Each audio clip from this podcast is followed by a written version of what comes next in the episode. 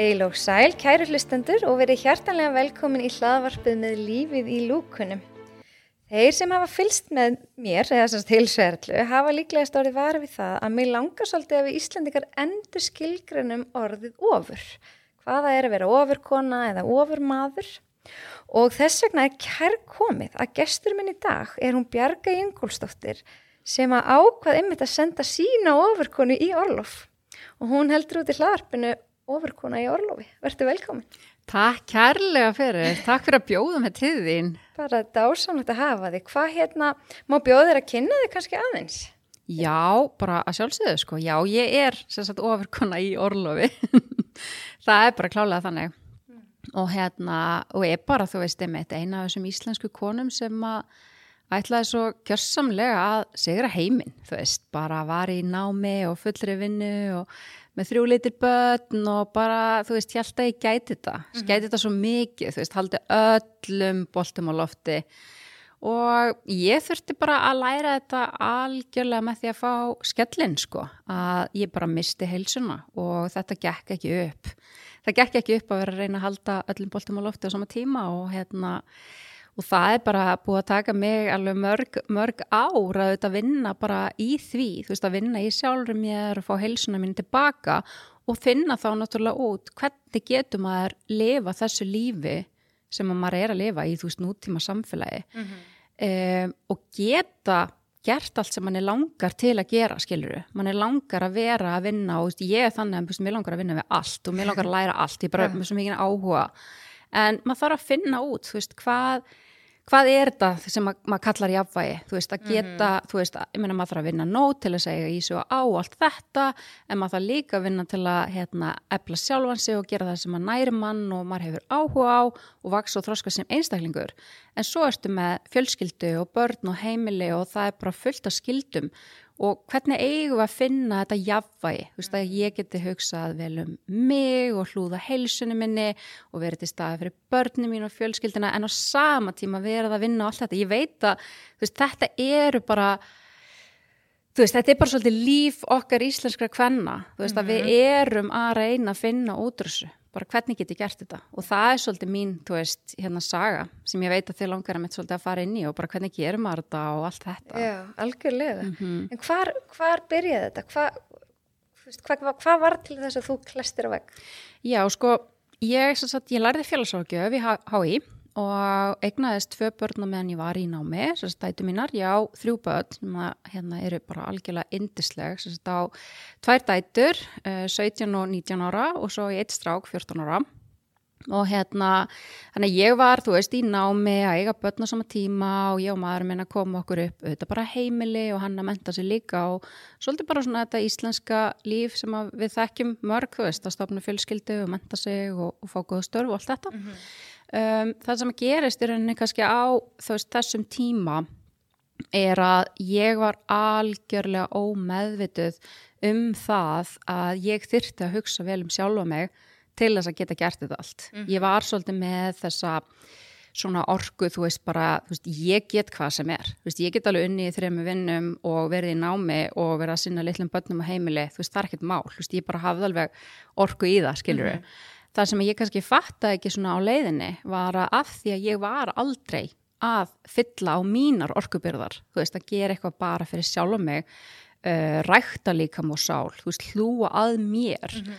þá var ég auðvitað alltaf að ganga á einhverja orku sem ég átti ekki til mm.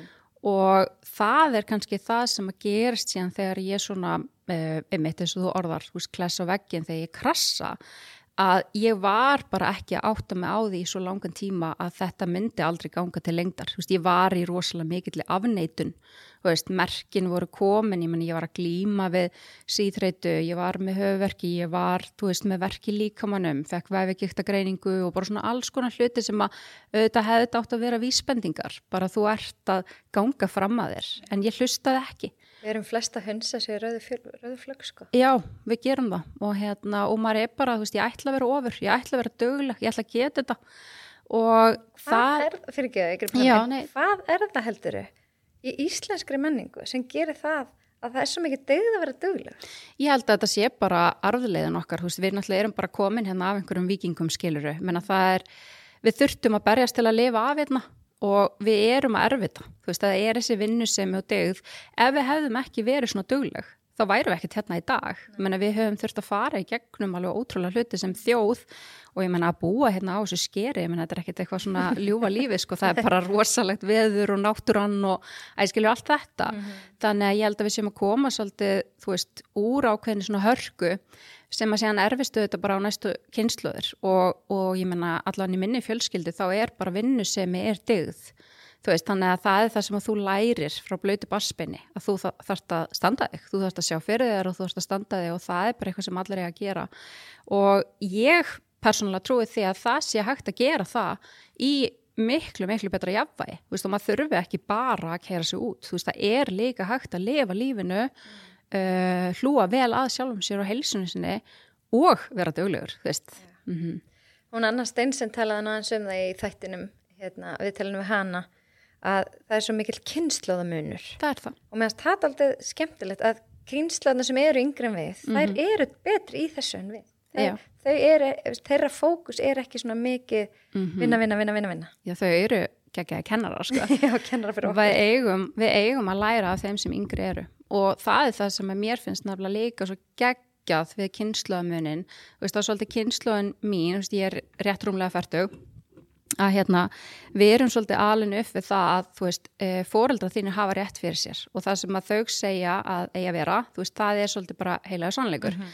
e, ég hugsa uppeldi á allt, allt annan veg þú veist, ég leifi börnunum mínum að, tjá sig, þú veist, um e, þeirra skoðanir, tilfinningar, líðan og það er bara eitthvað sem er alltaf upp á borðum og við ræðum mikið um þetta og þau kenna manni svo mikið bara þú veist, hérna um bara mitt mér líður svona þegar að þú ert að gera þetta eða gera, gera hitt að veist, þetta er bara eitthvað samtal sem að hefði aldrei verið til í mínu uppeldi. Veist, ég var aldrei spurða því hvernig líður þér Nei, eða hvað finnst samanlega. þér um það að e, pappi vinnir svona mikið eða whatever, skilur, það, það er það var ekki, ekki spurður að því.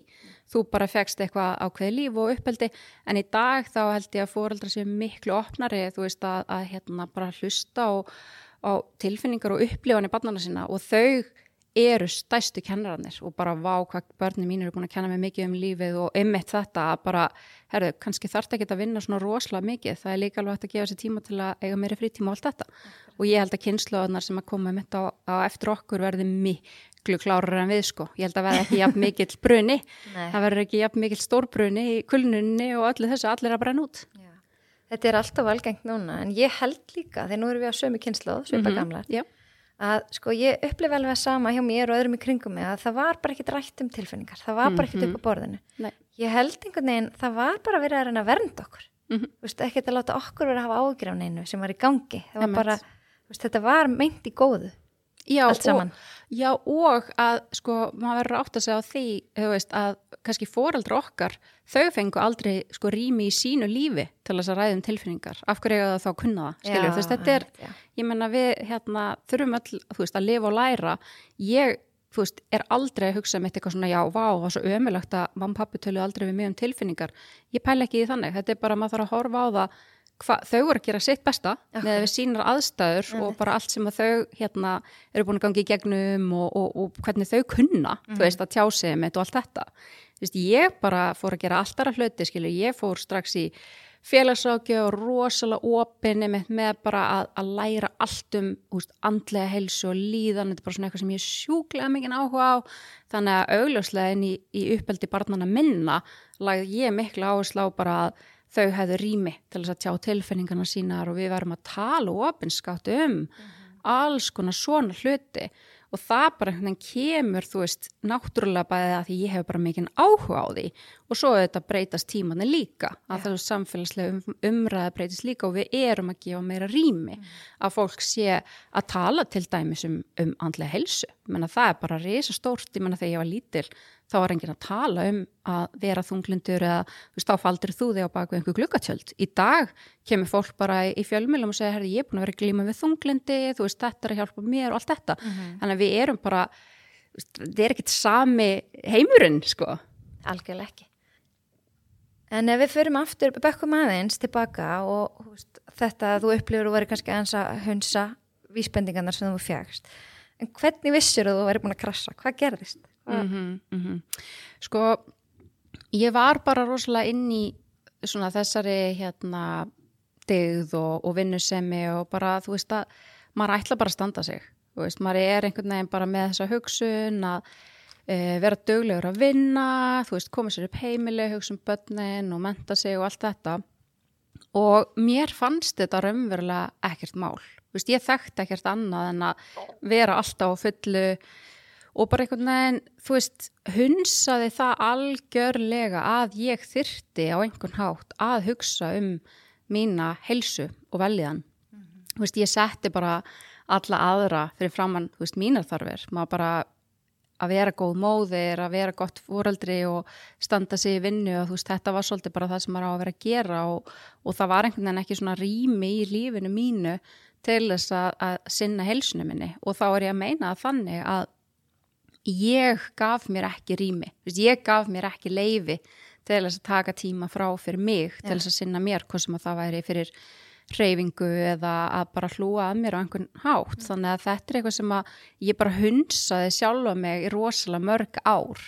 Og það er bara þannig að ef þú gerir það að þá endanum gefur eitthvað eftir, þú veist, þú getur ekki alltaf bara gefið frá þér orku eh, hvað sem að það er í vinnu eða til fjölskylduna hennar og barnan og allt þetta ef að þú gefur þér aldrei hennar orku tilbaka okay. og fyllir ekki á orkuna hennar. Mm -hmm. Þannig að ég bara svolítið svona bara held áfram veginn, svolítið fóra hnefanum bara eins og margir gera, þú veist, maður er svolítið bara að reyna að lifa þetta af í þessu samfélagi, þú veist, bara hafa í sig og á og eins og segi, bara hey, taka þátt, menta sig og allt þetta. Og þá er ekki beint þetta rými svona já, svo er ég bara alltaf í jóka á mándum eða þetta var bara ekkert inn í mínum hugarheimi, þetta var bara að, veist, vinna, borða, sofa og hugsa um börnin, skilur. Og það er líka margir ásum stað, þeim finnst þeir eitthvað sjálfselskir ef þeir ætla að gefa, veist, taka frá tíma fyrir sig en það Já. er svo rámt og það eru skilabóðin sem þú færð mm. frá samfélaginu, þú veist, þannig að þú og sérstaklega maður við það líka að þú veist, þú ert ekkert að taka eitthvað rými fyrir þig til hvers, þú veist, hvað ætlar að gera við það, mm. það er bara að halda áfram með lífið og vinna og hugsa um aðra þannig að já, þetta var eitthvað sem að, að ég bara eitthvað, en mér fannst þetta ekki verið eitthvað sem ég þyrst að gera, þú veist, að hugsa sérstaklega um mig og það endaði þetta bara þú veist, ég bara kláraði algjörlega orkunum mína og ég hunsaði allar viðveruna bjöllur, þú veist, ég var búin að vera í mörg ára bara glíma við, þú veist, verki líkamannum, síþreitu, eh, var alltaf í off-thinged, skildi ekki neitt, þú veist, borðaði eins og bara, þú veist, lítill fögl, ég bara nærði ekki, ég var í vannæringu, þú veist, bara þetta var bara ekki, ég hugsaði rosalega illa um sjálf mig og ég gekk bara á mig endalaust þar til að einn daginn að þá gafst bara líkaminni og, og hugur upp, þú veist, haugakerfið það bara getur ekki meir, það þólir ekki meira álag og ég bara, já, stóð ekki upp á rúminu, ég var bara rúmleikandi, ég var örmagna, þurfti bara að hérna, hætta að vinna, þú veist, fara bara í veikindalöfi, þú veist, ég gæti valla hugsa um börnum mín, skilur veist, í þessu ástandi þá ertu lamaður, veist, ég bara hafði ekki orku í neitt. Og þetta er svona vendipunkturinn auðvitað Hvað er þetta mörg ár síðan? Þetta gerist þessi 2012 sem ég gjör samlega örmagnast. Og þá er e, yngsta barni með tveggjára, þannig að ég var hérna með lítil börn, þú veist, eignastu þrjú á, á fimm árum og hérna var bara með lítil börn og orkan var ekki meiri, það var bara búið. Og þarna þurfti ég að horfast í auðu sjálf mig Þarna er náttúrulega vendi punkturinn að maður átt að segja á því að þú getur ekki haldið þetta út.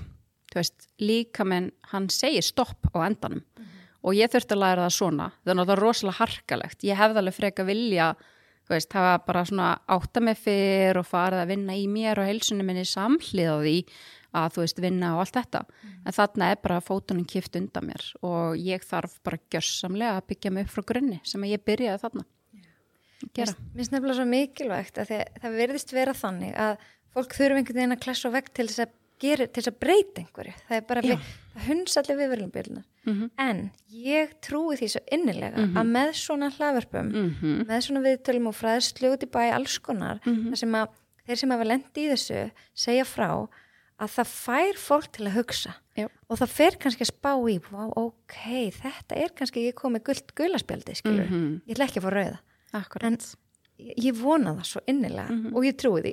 Já, og ég held þetta sé að breytast, þú veist, bara hérna, eins og við hefum talað um okkar á milli, þú veist, að kynnslóðin svona á eftir okkur, veist, við erum báður um færtugt og, og vorum bara aldrei uppi ákveðin, hérna, þú veist, það bara, þú veist, fóreldra okkar eru af þeirri kynnslóð að þú veist, þú ert ekki mikið að, að bara opna þig kannski með þína líðan og tilfinningar og, og það að þú veist hérna e, segjast vera, þú veist, þreytur eða þetta sé of mikið, þú veist, það kannski bara var aldrei í bóði fyrir þau, veist, það er bara þú þurftur að lifa af og þú ert bara að sinna þenni vinnu og halda áfram, þú veist, þetta er svona áfram á nefanum, þannig að þú veist, við svolítið lærum þetta, þú veist, ölumst upp við þetta og förum svona inn í þetta líf að bara, ok, þetta er leiðin, maður bara áfram gaksa, maður hvað á dynur sem auðvitað verður til þess að við bara síðan hrinjum auðvitað þegar að við erum búin að vera að hunsa og hunsa og hunsa, við getum ekki hunsa hilsun okkar, það er bara ekki hægt. En svo, þú veist, kynnslóðin á, á, eftir okkur og svona eins og börnin okkar og þannig þau eru miklu meðvitaðar í dag um það að það þarf að hugsa alltaf um sína heilsu og velliðan og þau eru miklu opnari um það, þú veist, að að maður má tala um tilfinningar og maður má, þú veist, ræða við fóreldra sína um hvernig mann er liður og hvað skoðanum maður hefur og allt þetta. Þannig að, þú veist, þetta er eitthvað sem að, þú veist, ég allavega hafði ekki rými þegar ég var að alast upp fyrir þetta. Og hérna, og ég finn það bara að, þú veist, kynnslóðin núna einhvern veginn svona, sko, börnin mín, þú veist, ég með þrjá unglinga í dag, þau eru 14, 17 og 19 ára, hvað þau eru rosalega opin og meðvituð um það að hugsa vel um sína heilsu, þú veist, bæði að, þú veist, hreyfa sig og æfa og allt þetta, en eru líka svo ótrúlega opinn að tala bara um, þú veist, ef að þau eru að upplifa kvíða eða einhverja vanlíðan, þá er bara, þú veist, þá er, vilja þau bara ræða það. Þú veist, þegar ég var lítið bara, þú veist, þá gæti ég ekki Það sagt vissu ekki eins og hvað kviði var. Nei, þú veist, ég gæti ekki sagt við einhvern, herri, ég er alltaf með einhvern risa kvíðan út í maganum, ég veit ekki eins og hvað þetta er. Þú veist, þannig ég held að, einmitt, kynnslóðin sem er að koma núna og bara, þú veist, og hérna yngra fólk en við, og við séum nú ekki svo gamlar, mér finnst nú færtugt bara bestið aldur, sko, að ég held að þau séu miklu opnari, að bara við verðum að e, pæla í þessu, veist, bara heilsan er allt, að því ef þú missir heilsuna, þá ertu að missa allt, þú ert að missa lífsgæðin þú getur ekki gert það sem þið langar til, þú veist, vinna, rækta þig, áhugamálin, bara, þú veist, að því þegar við erum að tala um það raunverulega að líka minn gjörsamlega gefur sig og þú ert örmagna, þú veist, það, þú hefur ekkert val, þá ert þú bara, ok, þetta er núlpunturinn og ég þarf smátt og smátt að byggja mig upp og það tók mig mörg ára að gera það. En hvað er helsa fyrir þér? Já, um. nákvæmlega, sko helsa fyrir mér, þess góð helsa, veist, að hafa góða helsu, það er að líða vel í sjálfum sér. Það er helsa fyrir mig. Að líða vel í sjálfurum mér er eitthvað sem ég er búin að sjá það bara í gegnum allt mitt, bara helsu brölt, að finna, þú veist, að vera í sátt við mig, þú veist, vera sátt við líkama minn, uh, vera sátt við alla brestina mína, þú veist, uh, bara svona samþykja mig eins og ég er þú veist, það er að hafa góða helsu að því ef að mér líður vel með sjálfur mér þá er helsan mín mjög góð mm Ég er alveg sammála þessu. -hmm. En heldur þú að ofurkonan Bjargei hefði skilgrind heilsu á annan hátt? Já, ofurkonan Bjarga hefði sagt að ef ég væri heilsusamleg og, og hérna þú veist, að það, þá væri ég ógeðslega dögleg, þá væri ég að mæta rektina sexum í viku, þá væri ég að borða þú veist, eitthvað svona prógram frá einhverjum svona þjálfara sem væri ekki, ég vil að þjálfa fólki eitthvað fitness eða eitthvað sko, að það hefði verið svona í mínum huga, þá væri ég heilsurhaust sko. Mm. og hérna þannig að ég er, þú veist, það er heimin og haf hvað ofurkonan Bjarga hefði, þú veist, sagt að, heils, að vera heilsurhaust og, og hvað var heilsa væri sko Þannig að, en mín ofurkona er alltaf löngu farin í orlof, þannig að hérna, Sem betur fyrir. sem betur fer. En hvernig byrjaði þér að vinna þig tilbaka úr þessu? Mm nákvæmlega, Þurftur þú mikla aðstóð eða er þetta eitthvað sem þú gast gert sjálf? Eða? bara algjörlega, þú veist, þetta er bara, þú veist, það er bara, þú þarft heilt þorp skilur þú þarft að takast á við það að vera örmagna. Þú þarft að fá ótrúlega mikinn stöðning og, menna, þú veist, kerfi í dag er kannski ekki beint svona það, hérna, auðveldasta fyrir fólk, það er ekkit, það er ekkit of mikið í bóði og úræði og svona, en, en ég sagt náttúrulega var á vinnumarkaði og, og fer þá inn í, í sagt það að ég átti rétt, þú veist, hjá virk, þannig að ég fæ ráðgjafa þar og, og byrja bara svona, þú veist, einmitt að, hérna, að vinna í áföllunum mínum, veist, taka þau og, og fór í svona áfalla meðferð hjá sálfræðingi alveg heilt ár, sem var náttúrulega bara ótrúlega stórt og allir svona, ég myndi segja væri algjör svona grunnur þegar þú ert um eitt örmagna og þarf það að fara að byggja þið upp algjörlega frá grunni að þú er alltaf nummer 1, 2 og 3 að fara inn í líðanina þína veist, það er ekki þannig að þú erst rúmleikjandi hugsa bara neð, þú veist, en í fyrramála ætlum ég að fara út að hlaupa, ég menna að það virkar ekki þannig, það er ekki hægt. Og það er áfall að missa helsuna. Það er líka mjög stort áfall að missa helsuna, þú veist, þú geta ekki unnið, þannig að það, ég myndi að segja að það hafi kannski líka með svona hjálpa mér hvað mest að ég fó bara strax að vinna í andleifliðinu minni, bæði að þú veist fara til sálfræðinga, fór í áfallameðferð og alls konar, ég veist leitaði til alls konar þerapista, uh, kynntist á þeim tíma, svona uh, kranjó, sakralþerapi, höfubin á spjaldriki meðferð og fer síðan sjálfa að læra það, þú veist 2013 hafði mikinn áhuga á sem ég fannst svona ótrúlega áhugavert hvernig var hægt að vinna með uh, huga og líkama samtíma Hvað er höfubundsspjöld fyrir það sem ekkert? Akkurat, akkurat. Sko þetta er í raun og veru svona, um, þú veist, í grunninn bandöfslósun okay. að verum að vinna með bandöf líkamanns þannig að sá sem að kemur í meðferð, í kranjó, hann til dæmis liggur á bekk og meðferðarinn svona vinnur með bandvefin með svona mjög mjúkum reyfingum og, og hérna maður svona að, að finna þú veist hvar fyrirstur eru í líkamannum og vinna með að losa þær. En það sem gerist þegar við erum inn í þessari vinnu að eins og til dæmis inn í bandvefnum okkar að þar setja tilfinningar og gömul áföll og alls konar dót sem við bara erum að geima og við áttum okkur ekki endilega á því. Alls konar drasl. Að hérna e, það sem gerist í kranjónu er að e, það verður svona ákveðin sálvefræn losun sem er kallið somato-emotional release og þar er meðferðar aðlinn að hjálpa einstaklingnum að losa út úr líkamannum og bandverðnum það sem setur fast. Þannig að þú veist, ert líka alveg í ákveðinni svona samtalsmeðferð, það er partur af því að vera í kranjó, að þú ert að ræða þína upplifun af meðferðinni og hvað þú ert að skinja og bara allt sem er að gerast í þínu lifi. Þannig að þú ert að vinna með líkamann á sama tíma og þú ert að losa úr líkamannum mm -hmm. en þú nota líka orð og, og samtal til þess að vinna úr því og þannig að því að stundum þarf mann líka bara einhvern veginn að tala við sko, mm -hmm. bara hvað maður er að upplifa. Það, það er náttúrulega líka alveg mjög stór partur af því að vinna til dæmis út úr áföllum. Þannig að ég kynnist þarna kranján á þessum tíma og, og þú veist, það var um, eitthvað sem ég get algjörlega sagt að svona ég ætla bara að leifa mér að sletta þú veist, bara blew my mind. Bara þú veist, það, það var algjörlega styrlað þú veist, eftir að hafa verið í mikilli áfallavennu hjá sálfrængi sem að er eitthvað sem ég hef aldrei vilja sleppa en eitt en að sjá kannski árangurinn á einum tíma í kranjó versus að vera búin að vera í sálfræði með fyrir heilt ár já, Vist, það, var, ég, það, bara, það var rosalega stórt að bara átt að segja á því bara, herðu, það er líka hægt að losa alls konar út með sagt, öðrum leiðum, til dæmis náttúrulega leiðum, að því að lif hendur mér ekki mm. og það er ekki þannig að ég sé á móti lifi með neitt ég bara prófaði einhver lif sem áttu að hjálpa mér en mér leið bara verð af þeim mm. þannig að lif voru ekki að hjálpa mér og þarna þurfti ég að finna eitthvað sem getur hjálpa mér að því að mér leið umurlega og þarna var Kranjói bara einhvern veginn að hjálpa mér að, að losa bara mikla spennu, við vorum að vinna með það bara þú veist að hérna, allt í henni fór mér að líða miklu betur í líkamannum mínum, bara verkir minguðu og alls konar króníski verkir sem ég var búin að vera með í mörg mörg ár og, og vissi það náttúrulega ekki þá að þetta væri þú veist gömul áföll og eitthvað sem ég væri ekki búin að vinna úr en þarna opnaði þetta algjörlega nýjan heim fyrir mér og ég fer að læra þetta sjálf og byrjaði bara strax veist að meðhandla aðra og það var rosalega mikil þerapía fyrir mig mm. að það er alveg partur af minni uppbyggingu að því ég var í endurhæfingu alveg í tæp þrjú ár og inn í minni endurhæfingu var ég líka ótrúlega mikið að fá orgu og kraft út frá því að ég væri líka stiðja við aðra sem að leið ekki náðu vel og, og voru að upplifa kannski eitthvað svipa mm. og með verki og allt þetta.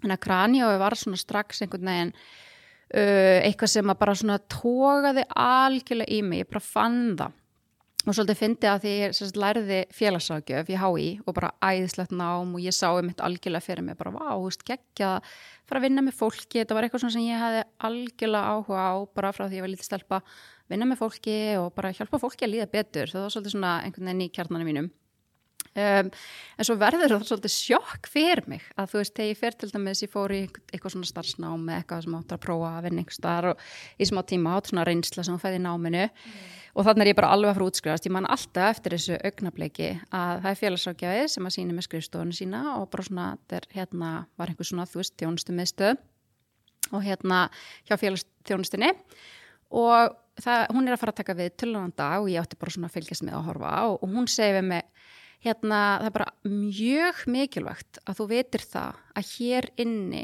mátt þú ekki sína neinar tilfinningar.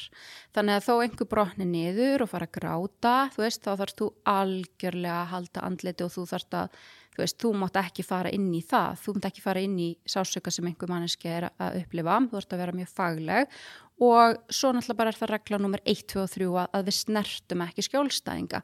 Þess að þú mátt ekki leggja hendi á auksl eða knósengun eða eitthvað svona.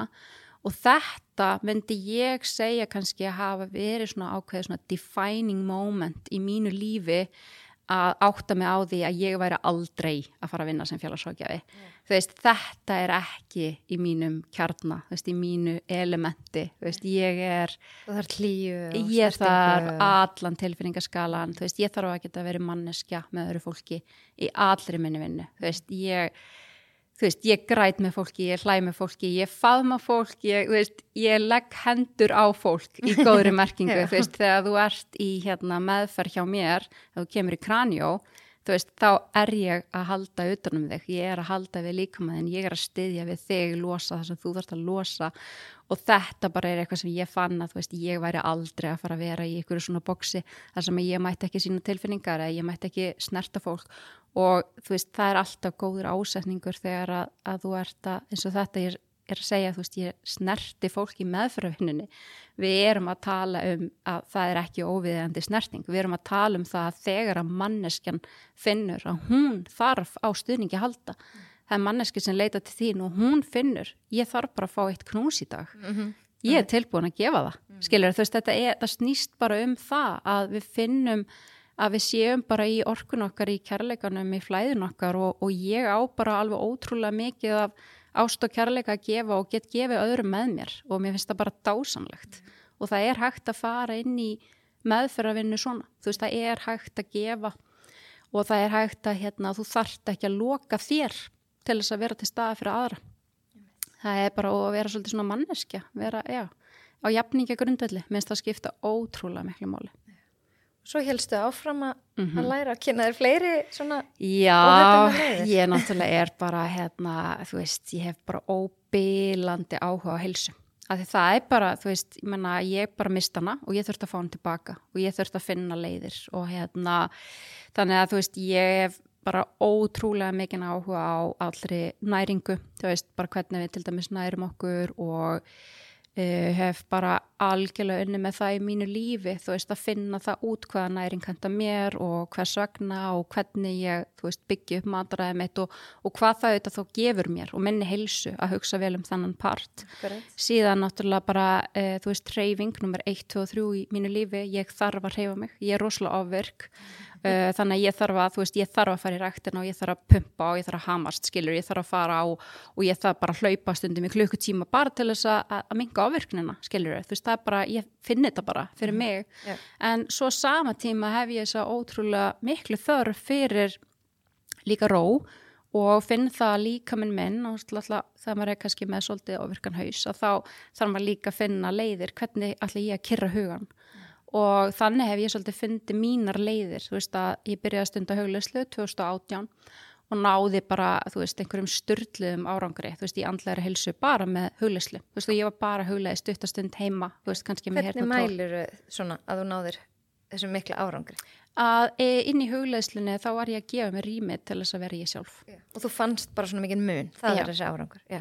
Árangurinn er, er ekki bara það, heldur líka það, þú veist, ég var að klíma við þunglindi, þú veist ég var glíma við kvíða og þunglindi um, búið að fylgja mér bara þú veist alla æfi og að finna þessa leiðir þú veist hvað er það sem að gefur þér þú veist betri líðan og velliðan mm. og haugleisla var eitt af því og haugleisla hjálpaði mér að minga verki mjög mikið og tengjast sjálfur mér þannig að þarna þú veist fann ég svolítið bara ok þú veist hér er ég með eitthvað svona töfra lif, þú veist, þetta er eitthvað töfradæmi sem að er svo einfalt, skilur, þú veist, þú getur hugleitt hvar sem er, hvern sem er, þú veist, að eina sem þú þarfst að gera er að gefa þér tíman í það.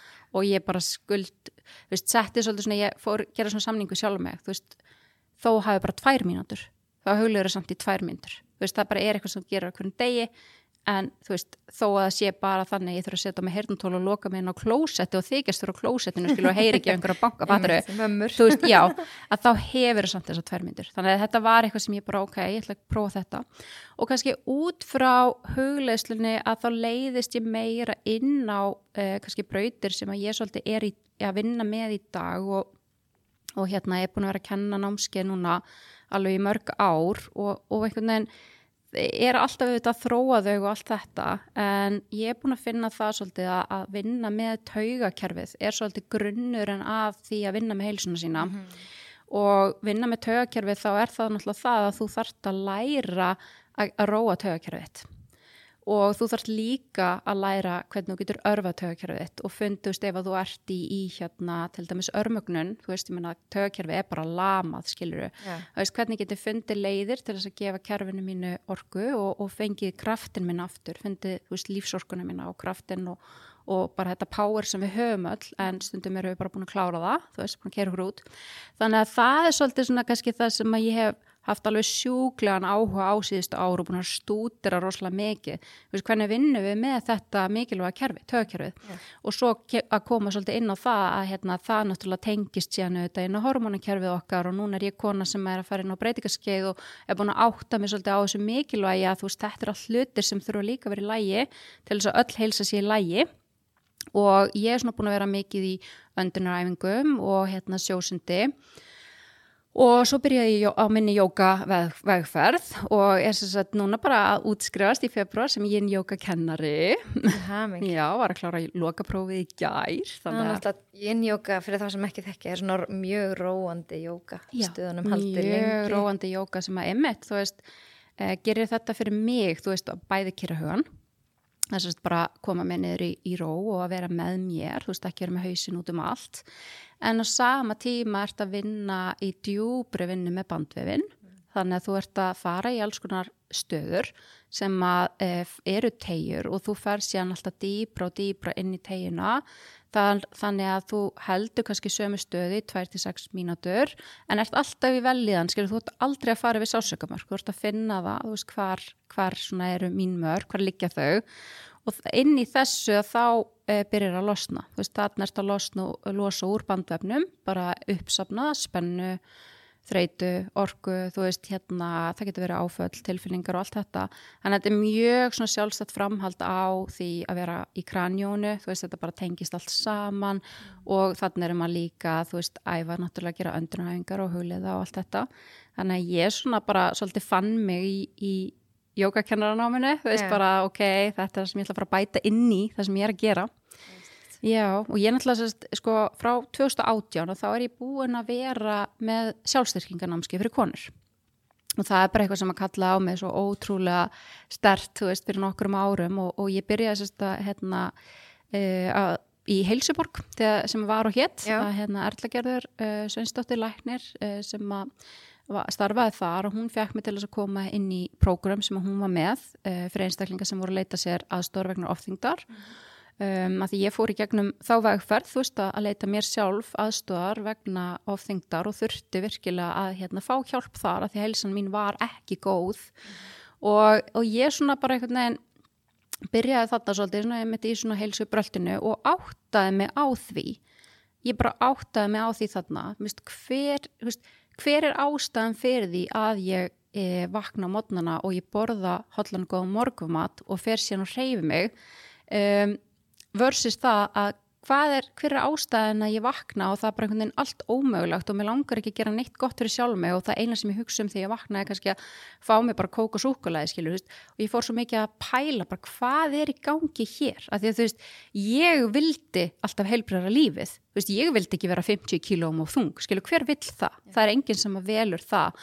Uh, og það þar sem ég áttaði mig á þarna, það uh, þú verður að hafa kærleikan, þú verður að hafa væntumþykjuna til þín og vera virðingu fyrir sjálfum sér. Akkurat. Mm. og ef að þú finnur umverulega að þið þykir vænt um þig, þú veist, þess að bara ráur umverulega tilfinningu bara með þykir vænt um mig eins og ég er þá fyrst kemur virðingin og þá kemur þetta inn að þú bara hugsar, þú veist, ég ætla að reyfa mig og ég ætla að næra mig vel af því að ég elska sjálfa mig og ég ætla að gera eitthvað gott fyrir mig og að fara út úr þessum, þú veist, vítarhing sem ég hafa búin að vera í í, þú veist, hundra ár að brjóta mig niður, þú veist, ég er á þung, ég er á feit, ég er á þetta, þú veist, ég er alltaf bara svo ómöguleg að fara úr þessum hugsunarhætti inn í það að bara ég er geggjuð eins og ég er, mm -hmm. þú veist, og ég hef tekið þetta dæmi á námskeiðum sem ég verið með, sérst fyrir konur,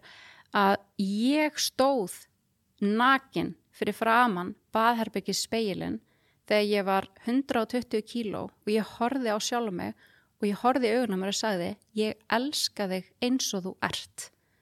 Og þú ert geggjuð.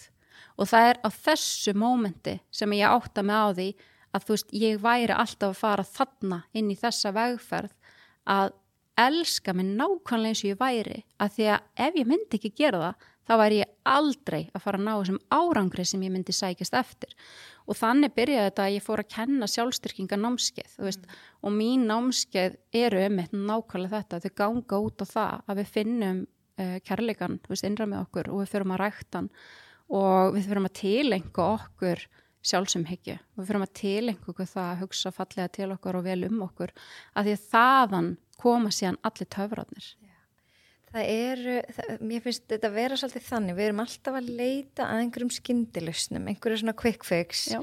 en það, þetta er allt innræð með okkur, þetta er bara ákverðun, þetta er þetta, að elska sig og bera verðingu fyrir sér, af hverju vel ég að gera þetta, ekki mm -hmm. ég þarf að gera þetta heldur ég vel að. Já.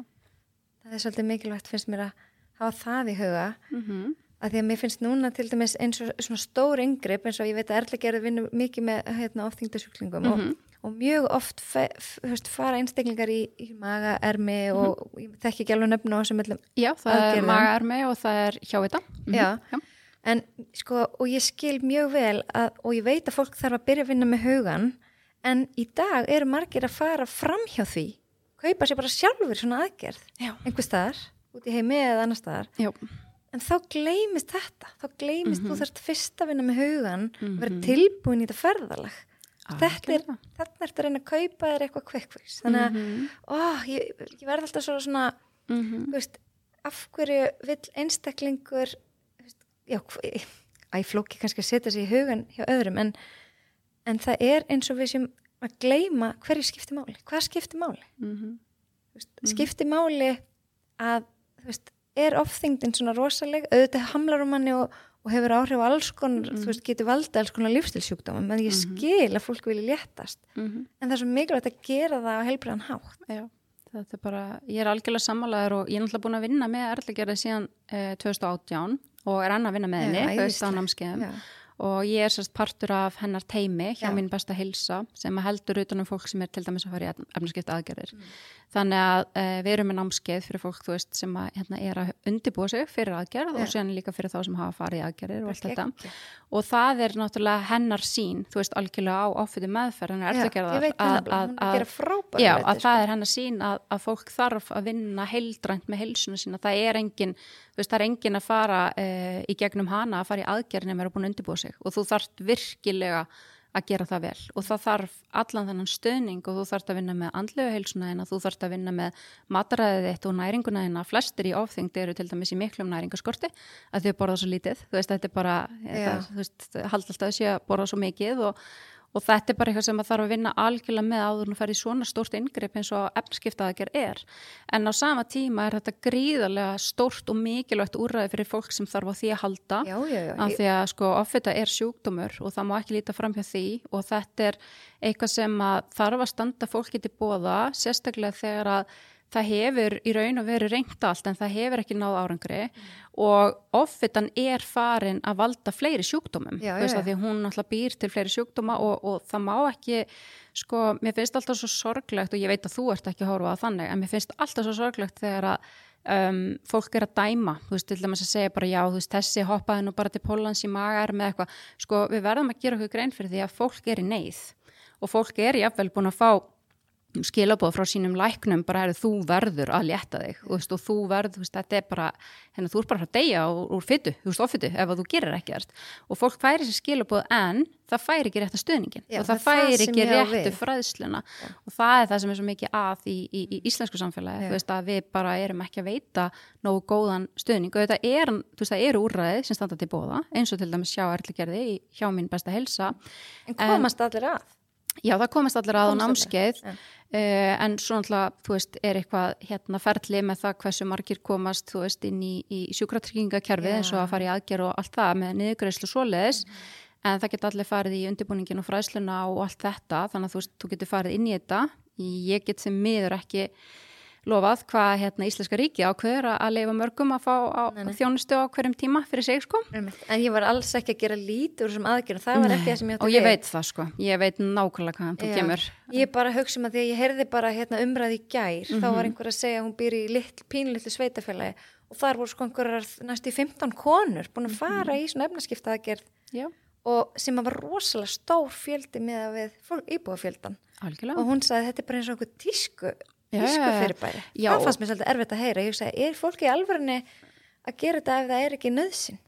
Það, já, og það er, það er ekkert mál að lappa eh, til dæmis bara inn á klíningina hérna á Íslandi og kaupa sér aðgerð. Ég menna ef þú getur borgað þá færið aðgerð og það eru ótrúlega skrítna reglur í kringu það. Það er ekki upp fyrir fulla einhver ströngskilirði?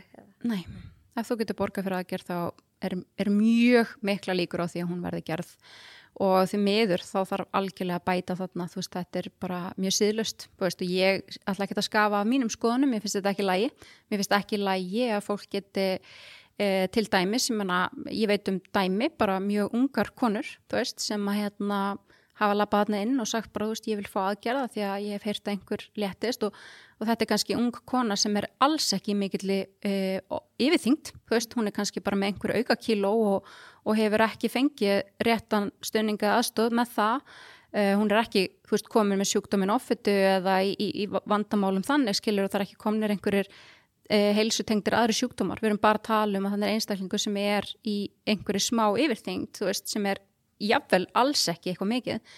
Getur bara lappað hann inn og, og farið í, í aðgerð sem að gjörsamlega breytir lífiðin til frambúðar. Það að fara í efnaskipta aðgerð breytir öllu efnaskipta kerfi líkamanns. Yeah. Þú veist, þú bara, þú veist, það er aldrei neitt að fara að virka eins í líkamanninum og fólk ger sér ekki grein fyrir þessu hversu risastort yngreipið þetta er. Það heldur að, að skella sér í magarmi eða hvaða nú er, skilur, að það sé bara eitthvað sem að þú, bara já, já, ég ætla bara að henda mér svona aðgerð og þá bara, þú veist, mun ég aldrei þurfa að pæla í, í þingt aftur geta þá verið alls konar aukaverkanir algjörlega, ja. þú veist það eru rosalega miklar aukaverkanir sem geta komið fram eftir efnskiptaðgerðir bara eftir hjáhautu er mjög algengt að fara í alvarlega næringarskort það er mjög algengt að fara garnaflækju þú veist þetta eru fullt af hlutum sem hafa mikil áhrif á lífsgæði og heilsu fólks og það sem að fólk til dæmis átt að segja ekki á þegar það til dæmis fyrir ermi ég menna þú ert að fara að borða pínu litla mataskamta, þú veist mæginaður er eins og banani í læginu og þú kemur cirka bát því magnið þá í einni máltið í ennan litla maga og það er ekki eitthvað sem að bara, þú veist, eftir tíu ár þá bara neini ég er hætt í þessu, þú veist, núna ætlum ég bara geta skellt mér á, á brönnslaðborskiluru og tróðið í mig, þú veist, það er aldrei að fara að gerast. Mm. Þetta er rosalega stóra breytingar á lífi mannesku og það er ekki kynnt fyrir fólki þegar að til dæmis engaðalar eru bara að selja þessa þjónustu, uh, þú veist, og það bara stendur fólk til bóða og, og af hverju ekki að leifa þeim að fara í aðgerð ef þú græði peninga á þig, ég skil alveg hvaðan þessir aðlar eru að koma. Veist, ég veit alveg að þú mentaði sem skurlæknir og hugsaður, herðu, það er bara flottu business í því að hjálpa fólki sem að e, langar að leta sig, skilju hugsunin er alveg að vissuleiti góðan að bakvið en það er verið að setja fólki í yngreip sem er svo miklu, miklu starra heldur en að það kannski þurfti raunverulega á að halda. Og þá er ég að tala um þessi dæmi að, að þetta er kannski einstaklingu sem er í örlítilli ofþengt og hún er ekki að endilega að hafa skali áhrif á helsumanniskunar og þá ferði í aðgerð sem að jáfnvel rústar lífiðinu að því að margir verða sjúklingar eftir svona aðgerðir og mjög veikir. Þannig að þú veist þetta er þú veist, þetta er eitthvað sem ég myndi aldrei grínast með og þú færði ekki efnaskipta aðgerðin um að vera búin að hugsa það algjörlega til þaula og að það sé eitthvað sem að virkilega muni gefa heilsunni þinni, þú veist, meira vægi og gildi, þú veist, að, að það sé eitthvað sem muni bæta heilsuna þennan. Það er alltaf grunnforsendan og við vitum það alveg, ég veit að þú ert náttúrulega bara ólinn í allri heilsu og allt það að sko tala og vikt segir ekki til um heilbreyði einstaklings. Alls ekki. Þú getur verið hérna í sagt, ofþyngd samkvæmt, þú veist, BMI eh, en þú getur verið með mikinn vöðamassa, þú getur verið mjög heilsurhaust, skiluru. Mm. Um, þú getur verið tágrann, skiluru, þú getur verið mjög létt, þú veist, tala og vikt er, er létt, þú veist sem er eitthvað svona sem við teljum oft vera eitthvað eftirsóknarvert, þú veist að vera rosalega léttur, þú veist að vera mjór, þú veist það er allavega eitthvað sem ég var alveg við að, að ég átti að stefna því sko, ég átti að vera mjó. Það var einmitt, ég, þáttur tvö er um líkamsverðingu og heilsu, það tölum akkar um þetta. Akkurat. Okkar kynslu var upp við þetta heroin lúk væri bara. Það er bara málið sko. Við, ljótt að segja þetta í dag en, en, þetta var talið þannig, þá var þetta bara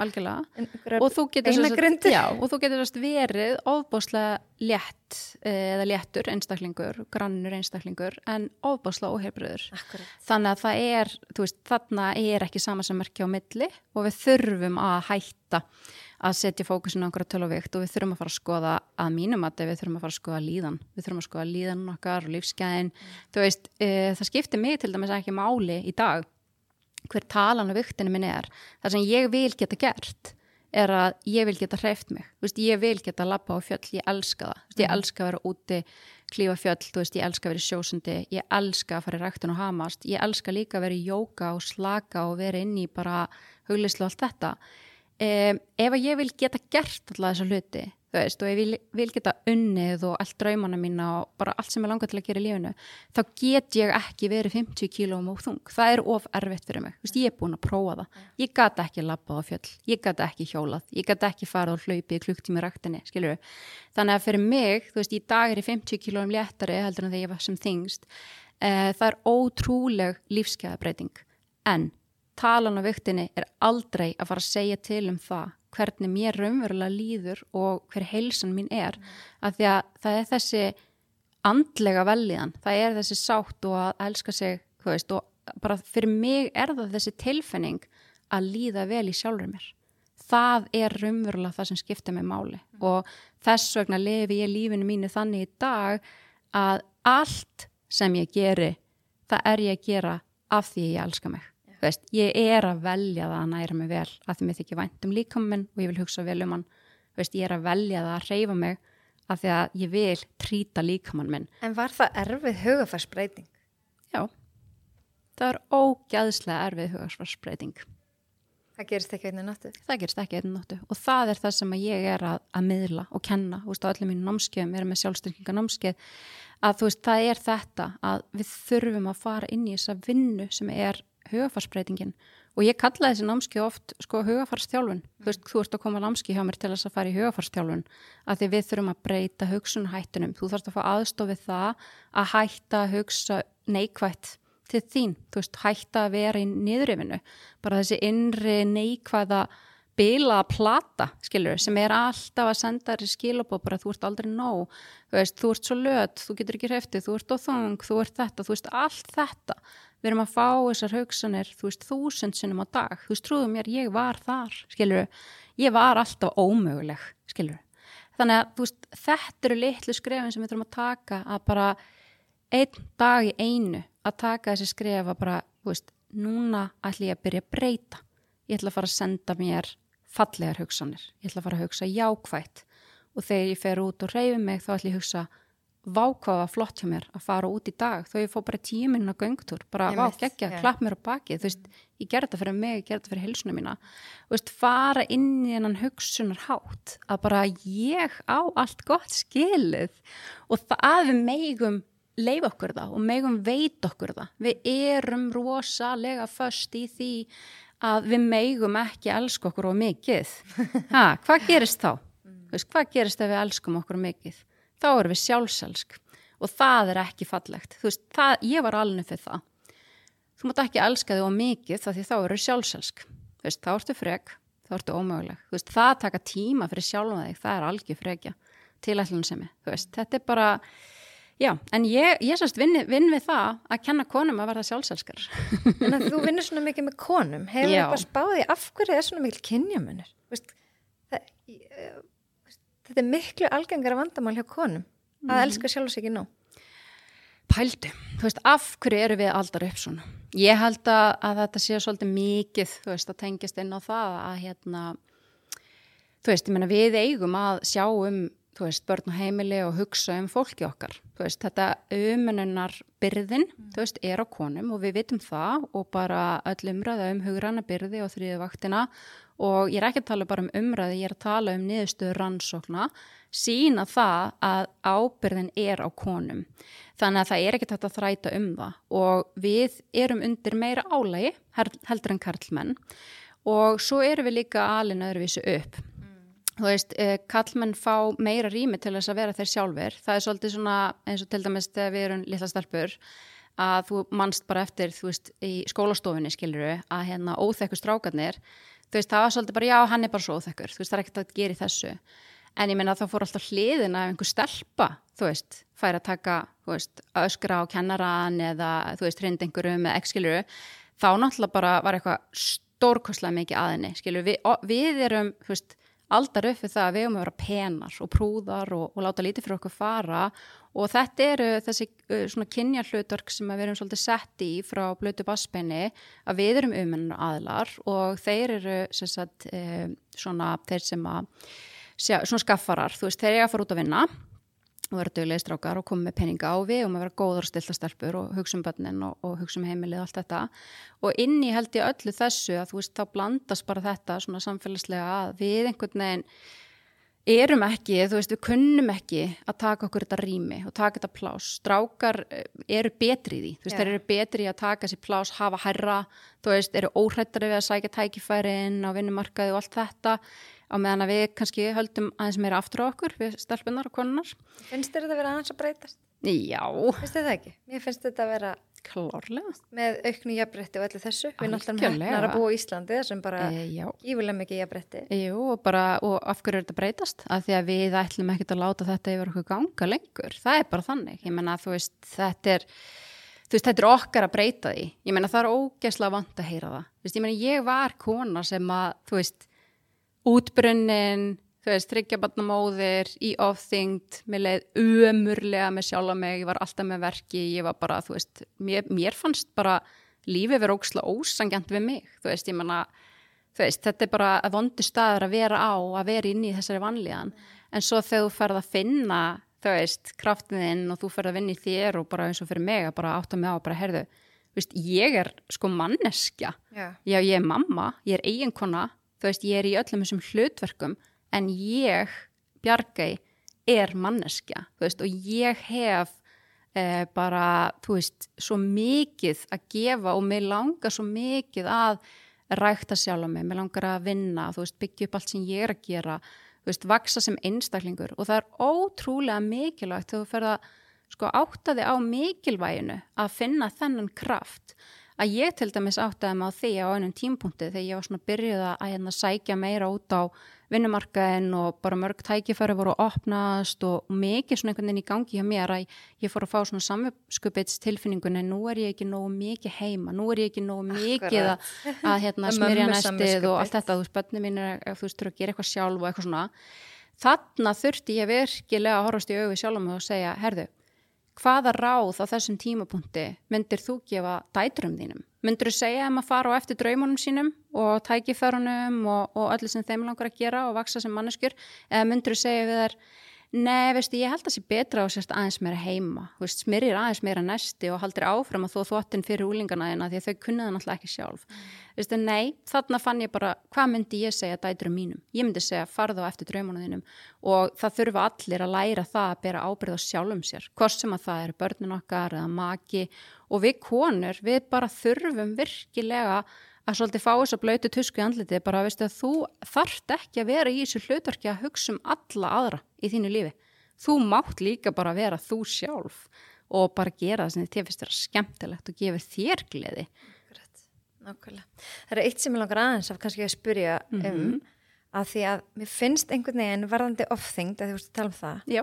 að fólk upplifur átt sem eitthvað skömm. Rósalega. Og það er það sem maður kannski kenna fólkin að skila skömminni og þú nefndir orðið sjúkdómurinn offita gætur þú sagt okkur örlítið frá honum að því ég held að séu rosalega margir sem aldrei, aldrei heyrst þetta Algjörlega, ég er náttúrulega búin að lifa og rærast í þessum heimi bara, já, hvað sjö ár. Þetta er búin að vera rosa vegferð fyrir mig. Þú veist, ég náttúrulega fæsast greiningu á sjúkdómnum offötu 2015 þegar ég leita til allir í Helsuborg og og þá bara hefði ég náttúrulega aldrei hýrt þetta orð, bara þú veist, ég menna ég var bara feit, þú veist, það var bara í mínum höf ég er bara ótrúlega lötu og ömuleg og, og hérna gæti aldrei, skildi aldrei bara hverju gæti ég ekki haldi mér í einhverju formi, þú veist, yeah. þetta bara svona þú veist, ég menna, skömmin var gríðarleg þú veist, um, þannig að þarna fer ég svolítið inn í þessa vegferð og, og fer síðan að vinna þetta með erlegerði og, og búin að vera svo ótrúlega heppin að síðastleina ára því ég fór síðan strax að vinna með samtökum sem heita ECPO eða sérst European Coalition for People Living with Obesity sem eru sérst sjúklingasamtök, evrósk sjúklingasamtök okay. og ég er búin að vera að starfa með henni Solvögu Sigurðardóttur sem er fórsetið samtökana og, og hérna Algjör Negla og vinkona mín og hérna og ég er búin að fá þetta tækifæri að fræðast alveg rosalega mikið um sjúkdómin ofittu. Ég er búin að fara á stærstu læknaraðstöfnur í Evrópu síðastliðin ár, búin að fara ótrúlega margar áhugaverðar ráðstöfnur þar sem að bara færistu sérfræðingar á sviði mm. ofittunar er að koma saman bara, uh, og deila niðurstum úr alls konar rannsóknum og öllu þessum tengist þessum sjúkdómi og þarna er maður að fá veist, þessa insinn inn í það hvað þetta er rosalega flókin sjúkdómur. Okay. Er ekki hægt að segja frá honum í þeimur setningum? Nei, er, nei, það okay. er ekki hægt og ég mælu með því fyrir þá sem vilja kynna sér að það er til sérst, klíniska leiðbynningur um meðferð offötu sem að erðlagjörnum meðal annars eh, skrifaði veist, með fleiri, fleira fólki það er hægt að nálgast þær, bara maður googlar og hérna þá getur að lesi til dæmis um orsakir og og hérna afleðingar og offötu og hvers eðli sjúkdómurinn er. En ég náttúrulega er ekki læknir, heldur bara sagt, áhuga manneski um þetta þannig ég ætla ekki að tala út frá læknisfræðinni. En svona í stuttu máli þá er sjúkdómurinn offöta þess eðlis að þegar að umfram magn fytu í líkamannum sem að þú ert með e, fytu vef sem að þú ert ekki lengur að nýta sérst bara í e-, eðlilega heilbriði líkamstar sem hefur komið með of mikinn fytuvef e, að það er þegar þessi fytuvefur fer að vera skadalögur heilsuninni, þegar þessi fytuvefur fer að trubla unnur kerfi líkamanns, til dæmis hormonakerfið og tögakerfið og bara alls konar að þá fer hann að búa til í rauninni e, sjúkdóma, hann fer að veika kerfið þitt og hefur áhrif á bara hjarta og eðkerfi og bara allt í eðlari líkanstarðsemi þannig að fytu vefurinn er farin að orsaka eh, sjúkdóms ástand í líkamanniðinum og þessi fytu vefur, hann fer að starfa sjálfstætt hann hefur bara sjálfstæðan vilja og fytu vefur í, í svona miklu magni, hann vil fá meiri fytu vef og hann vil sækja í það að fá meiri fytu til þess að vaks og dafna, hann þykist rosalega klár og ætlar að hérna taka yfir og stýra hérfanum okkar Þannig að það að vera komin með sjúkdómin ofittu þýður það að þú ert ekki lengur með valdi við því að bara, herði, nú ætlum ég bara aðeins að hérna, reyfa meira og borða hotlara og þá bara léttist ég. Mm. Þú ert komin í sjúkdóms ástand þar sem að e, þetta er orðið það flókið að líka minn ræður ekki við eitthvað slíkt yngripp, þú veist að bara hérna, e, bæta örlíti heilsuna sína með e, hérna matar og reyfingu og allt þetta. Mm þú þarfst að fara að vinna heildrænt með sjúkdóms ástandið sem er í líkamannuðinum og það þarf að skoða það algjörlega út frá öllum þessum þáttum einstaklingsbundi einstaklingsbundi algjörlega og það er náttúrulega alltaf í meðferð offitu það þarf að vera einstaklingsmiða plan það er engin líka með eins og það er engin líka með sem bregst eins við til dæmis sama matræðinu þú veist rannsóknir bara sína það fólk verður sett í eitthvað svona prógram um, þar sem að það er bara basically loka inni á einhverju stopnun og fær bara nákvæmlega sama matin og fær að reyfa sig nákvæmlega mikið og fá að sofa mikið en engin léttist mikið á þessum tíma skilja mm. því það, það, það bara hver og eitt líka með er ólíkur. Og það er það sem að, maður þarf svolítið að skoða þegar þú ert um komin með sjúkdómin áfittu þá þarf þú líka að meðhandlan eins og sjúkdóm. Þú ert ekki hérna bara að fara í eitthvað svona heilsu átak þú þarft virkilega að hugsa þetta sem meðferð til æfi loka, þú veist, ég til dæmis í dag ég er kjörþyngd í dag, þú veist. Um, ég er samt ennþá með sjúkdómin offitu, að því að sjúkdómurinn offita, hann er búin að valda skafa inn í mínum líkama og kerfin er ekki virka eins og það eiga að virka. Þannig ég þarf að vera í stöðugri vinnu við það að halda sjúkdóms einkjönunum í skefjum og eitt af sjúkdóms einkjönum áfittu er til dæmis á þingdin sjálf. Mm -hmm. Þú mhm. veist að, að margir hrista hausin og horfa á mig og hugsa betur þú ert ekki með sjúkdómin áfittu. Þú þú veist, þú lítur bara út fyrir að vera mjög svona eðlilega vaksin kona, þú Já. veist, bara, þú veist, mjúka línur og bara, venju, bara svona venjulegu líka mig. Mm. Um, en fólk átta sig ekki á því að röskunin uh, er komin, þú veist, hún er komin til að vera. Þú veist, ég var 50 kílóum og þungi yfir 10 ár og þar þróaðist sjúkdómurinn offita hjá mér og sjúkdómurinn hann þróast mjög mikið til dæmis í takt við breytingar á lífin okkar eins og til dæmis þegar við lendum í áföllum um, þá fer líka minn svolítið inn í þetta vilja þingjast og, og hann fer inn í svona ákveði varna við bræð og svo er það líka tengt mikið hormónakerfi hvenna þannig að margar konur eins og til dæmis ég lendi að, að þingjast á unglingsárum án þess að það sé einhver sérstök skýring á því, þú veist, ég var ekki að gúfa í mig mat eða þú veist hvað hann er skilur ég var mjög aktív líka og allt þetta en ég þingdi samt og bætti á mig fytu og það er náttúrulega líka ákveðin partur af eðlilegu ferli, þú veist að, hérna, að við söpnum meiri fytuvef sem konur. En hérna þetta er svona kannski þetta sem að fólk bara átta sér umverulega ekki á að þú getur verið í kjörþengd eins og ég í dag en þú ert samt ennþá með sjúkdóma áfötu þannig að maður þarf virkilega að huga að öllum þessum þáttum. Veist, ég þarf að vera rosalega meðvitu um alla mína næringu, reyfingu, svefn andlega líðan og að hugsa vel um mig. Því að ef ég mun ekki hugsa vel um mig ég get alveg sagt þér nákvæmlega hvað mun gerast. Sjúkdómur mun taka yfir aftur og ég mun þingjast og fyrir mig þá er þetta ofbóðslega mikil lífsgæði að vera í kjörþyngd. Það er bara, þú veist, miklu miklu léttra Já. og hérna og um eitt, þú veist, að því við erum að tala um þetta því mér finnst þetta náttúrulega líka auðvitað algjörlega mitt hjartans mál, þú veist, að, að hérna að fræða fólk til dæmis um það að ef að þú ert með hérna, sjúkdómin offitu eða bara ert í ofþyngd að það er ekki skömm yfir því að leita sér aðstöðar og það er eitthvað sem við ættum að gera og þú veist, þetta er svolítið ég tekti stundum þetta dæmi sko að ef að þú færir, þú veist, einmitt til læknis og hann myndi bara greina þig með hérna hjart og æðasjúkdóm og segja bara, herri, þú verður núna að fara á blóðþyrstísleikandi lif, þú veist, annars myndi bara deyja. Um, myndi þér finnast það skömm á því? Þú veist, að fara á, á blóðþyrstísleikandi lif? Nei, ég held að enginn myndi upplifa það þannig. En ef að þú ert með sjúkdómin offitu og læknirinn segir við þig, nú þarft þú að, að fá aðstóð, þú veist, það þarf að vinna heildrænt með lífstiliðin og svo standaði líka sérhæð meðferð úræði til bóða, til dæmis eins og lifi meðferð eða það að fara í efniskiptaðagerð. Er þá skömma því að fá þessi úræði? Nei. Nei. En við erum ennþá först þar, að það er skömma því að leita sér hjálpar vegna ofþingdar, að því að það fylgir því skömma að vera ofþungur. Þetta er bara staðalýmyndir sem hafa orðið til í gegnum Já, bara söguna. En ef við svona alveg lokum, þá langar mér svolítið að enda því að spyrja þig, hvað er ofurkona fyrir þér í dag? Ó, já, vá. Þetta er svo, mér finnst þetta nefnilega svo ofbóðslega fallegt orð. Þú veist, ofur kona. Þú veist, ef við hugsum bara um þetta orð, þú veist, sko, bara það að vera kona, vá, þú veist, við erum svo mikið ofur.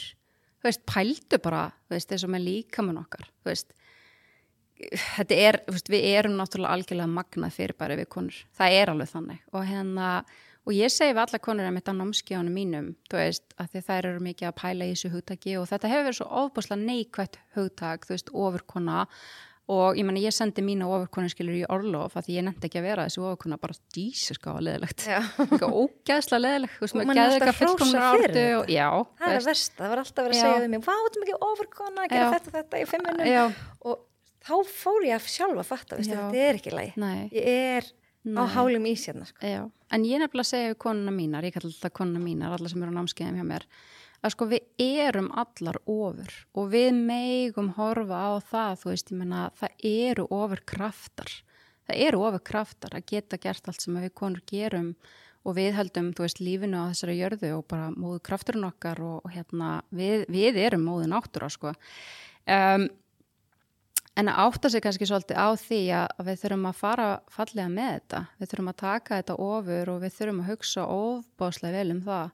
Ofur er lífskrafturinn okkar. Veist, það er orkan sem við gefum og mér finnst til dæmis mjög mikilvægt að tala um þetta við konur að sko þessi móður orka sem kemur frá móðujörð og við berum með okkur og, og hérna og gefum frá okkur, það eru ekki bara konur sem eru mæður, sem hafa gengið með eða fætt börn.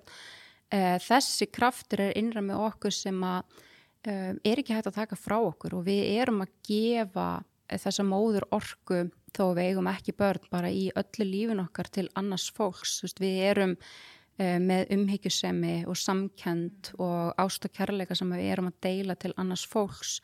Þannig að þú veist við þurfum svolítið að fara varlega og vel með þetta. Þú veist mér finnst við virkilega þurfum við konur við þurfum að leif okkur að fara inn í svona kvenlegu orkun okkar og hérna finna mitt ofurkraftin sem er þar veist, og leif okkur svolítið að vera við. Veist, ég legg ofbáslega miklu áherslu þú veist á mínum námskjöfum öllu sem ég er að miðla að við finnum svolítið hvern orkun okkar og við finnum bara þú veist hversu kröftu og öflug er hún og leifa henni svolítið að flæða og leifa okkur að vera í kvenleikonum ef það er eitthvað sem við viljum veist, vera í, þú veist, mér finnst það mikilvægt fyrir mig að að svona rækta svolítið mín svona feminin hlið, þú veist, og mín svona feminin hlið, með þessi svona hvern orkan mín, hún er bara ofbáslega tengd inn í það að mér finnst gaman að klæða mig fallega, þú veist, mér finnst gaman að líta vel út, þú veist, þetta bara gefur mér eitthvað, þetta er svona einhver kraftur sem ég finnst ég hérna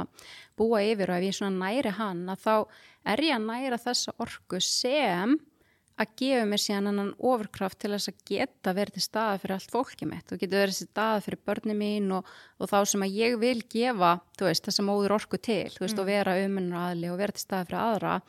En að vera búin svona að mitt áttum á því að ég þarf að rækta þessa orku innra með mér og gefa henni rými og fá svolítið að vera ég fyrir að fá að vera manneskjan bjargæi og konan bjargæi og, og einmitt á námskíðanum er ég líka mikið að tala til dæmis um það með konum að við þurfum sjálfar að svolítið átt okkur á þú veist eins og til dæmis með kynorkun okkar. Þú veist hvað er það og, og hvernig hérna hvernig virkar hún? Ég til dæmis spyr mjög oft konur á, á námskjónum ef ég spyr ykkur núna um, hver er svona ykkar grunnþarfir til þess að hafa góða helsu og flestar, þú veist, þær svara um, borða vel, uh, sofa þú veist, hreyfa mig, þú veist og bara já, þetta eru allt grunnþarfir. Það er þannig En er einhver búin að spá í því að við þurfum að vera í heilbriðu sambandi við okkur sjálfar og kynverun á okkur og skoða hvaða langanir við höfum og hvaða þarfir við höfum? Mm -hmm. og flestar alveg bara svona ha, byrju, ha, en svo að þú fyrir að pæla, byrju, það eru líka grunnþarfir, það eru frumþarfir, við myndum ekki lifa af, við myndum ekki fjölg okkur ef við hefðum ekki þessa orgu mm -hmm og þetta dræf, þú veist, þannig kraft. Þannig að mér finnst svo gaman að tala við konur um þetta því að um, við þurfum virkilega að líka gefa okkur þetta rými, þú veist, að vera frjálsar, þú veist, kynverur í því sem að við viljum skilur, þú veist, ég man ekki eftir því að vera, þú veist, unglingur og hafa verið spurð, þú veist, hérna hvað myndir, hvað myndir þú vilja þú veist, í kynlífi? Þú, veist, þetta er bara, við konur bara pældum ekki í því að því að við fengum ekki þetta rými. Þannig að ég elska að tala við konur um þetta. Þú veist bara, þú veist hvað langar þig, þú veist hverjar eru þína langanir, þú veist hverjar eru þína tilfinningar og upplifanir þegar við tölum um kynlíf? Og það er ofbóðslega gaman að fara inn í þessu umræði að því að konur bara, þú veist, það er bara ljósaperur kveikna, bara ding, ding, ding, ding, ding. Bara þú veist, já, herðu, ég hef bara aldrei þú veist, til dæmis bara konur sem eiga maka og eru kannski búin að vera í sambandi lengi, þú veist að það er allt í henni bara, herru, ég hef bara aldrei rætt við minn maka uh, hverjar mína langanir eru, eða skilur þú veist, okay. og það er bara berið einhvern veginn svona með sér. Og þarna vil ég meina, þú veist að, að ef að við erum ekki frjálsar inn í, í kynverun okkar og kynorkun okkar og leifum henn að flæða og bara leifum henn að njóta sín og ræktum það alveg jafn mikið og þú veist, að, að næra sér vel og allt þetta að þá eru við bara að hefta okkur, þá eru við að hefta orkuflæðið okkar, að því að við nærum ekki þessa orku, að þá eru við ekki í, þú veist, lífskraftunum, lífsorkunni, þú veist, þetta er partur af því að vera manneskja og vera til og við þurfum við þurfum að hafa rými til þess að tala um þetta og, og hérna og ebla þetta og bara, þú veist, já. Og mér finnst þetta alveg jafn mikilvæg partur að vera í heilbröðu sambandi við sjálfa mig, við mína kynveru Uh, eins og að vera í heilbröðu sambandi við sjálf og mig þegar kemur að því að vinna með andlegu líðanina mína eða, andlegu, eða líkamlega heilsu og allt þetta. Okay. Þetta er bara mjög stórt og, og það eru bara alls ekki margir sem bara átt sér á sig. Bara ég menna þú veist, sko allt er orka og, hérna, og það er svo geggja að heimurinn nú aðeins að opna augum fyrir því mm. og við veljum okkar orku og við veljum hvernig við viljum eigða orkunum okkar og stundum að þá lendum við í því að, hérna, að fara inn í hamstrahjólið eins og ég gerði að ég eitti bara allri orkunum minni í að, að hugsa um alla aðra heldur en sjálf mig og, og hvað gerist á? Allt hitt bilaði, veist, líka minn gaf sig. Mm -hmm. Þannig að veist, þetta er eitthvað sem ég brenn fyrir, veist, þetta er bara mín ástríða, algjörlega mín ástríða að valdefla konur. Bara þú veist, þú máttu vera þú sjálf, mm -hmm.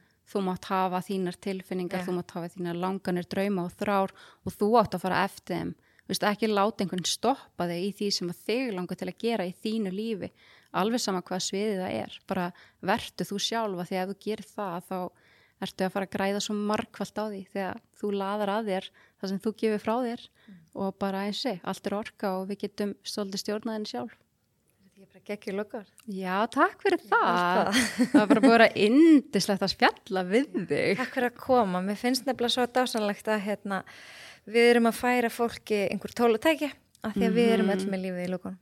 Það er þannig nefnilega og ég ætla bara að fá að koma í lókin alltaf aðeins að plugga, þú veist, maður verður alltaf að þegar maður fær svona bóði í, í hérna viðtala að hérna, að ég veit það er konu sem að þú veist myndi vilja koma á námskeið og bara þú veist fara inn í þessa vegferð að læra að elska sjálfa sig og, og hérna finna svolítið kraftin sinn og orkunni sína að það er ég með ferðir alltaf tvísora ári til tósatum ára spáni og ég fer alltaf í mæ og í september með hópa. Og þetta er alltaf litlir hópar, bara svona kringum 20 konur. Það sem við erum bara að taka heila viku í að fara inn Ó, í þetta það hljóma vel. Já, þetta er bara svona, þetta er þessi tími sem að þú veist, konur eru bara að gefa sér að skoða inn á við. Mm. bara þú veist, hver er ég, hvað langar mig? Hvert er ég að fara að stefna?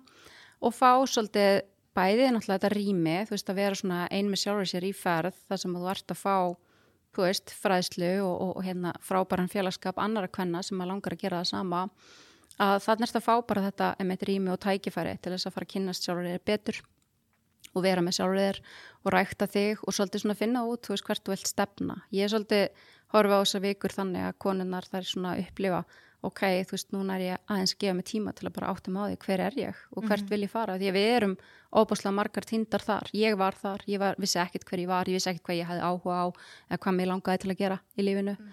og það er svo gaman að segja frá því að því nú er ég búin með þessa ferðir síðan 2018 að núna í ferðunum þá eru alltaf einhverja konur sem er að koma í annað eða þriðja sinn, ja, af því að okay. þú veist, að gefa mig þetta er einhver svona ofurkraftur sem ég er að fá til að taka næstu skref í mínu lífi mm og líka skemmtilegt frá því að segja bara því að ég hef svo mikið áhuga á allri hvern heilsu að hérna, ég er búin að samina krafta mína með uh, stelpunum í Bresti, Byrnu og Dísu.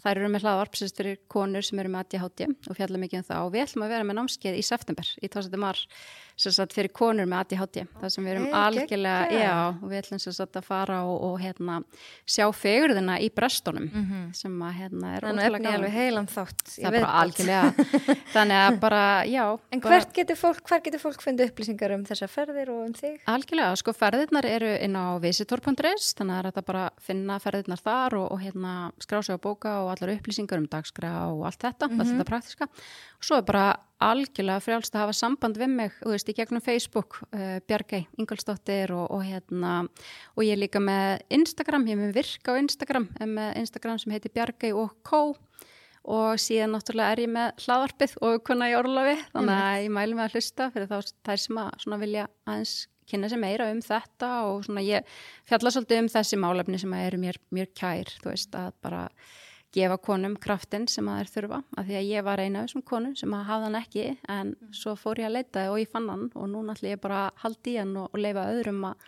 að njóta líka, það er nót til. Já, ekki, ekki, þannig að þeir sem að hérna, fengu svona smá inspiration, svo ég hérna, -hmm. sletti nú alveg að ég finn ekki íslenska orði að þeir sem að hlusta þennan þátt til geta kíkt á hlaðarpi ofurkona í orlofi. Algjörlega og finna mig á Instagram eða Facebook. Já, bara takk hella fyrir mig. Takk sem við leiðis Og ég hvet alla til þess að fylgja hlaðvarpinu með lífið í lúkonum á Spotify eða Apple Podcast eða öðrum streymisveitum því þá sjáu þið nefnilega þegar næsti þáttur dettur í loftið. Og ef þú ert á Instagram, endilega fylgdu heilsuerðla.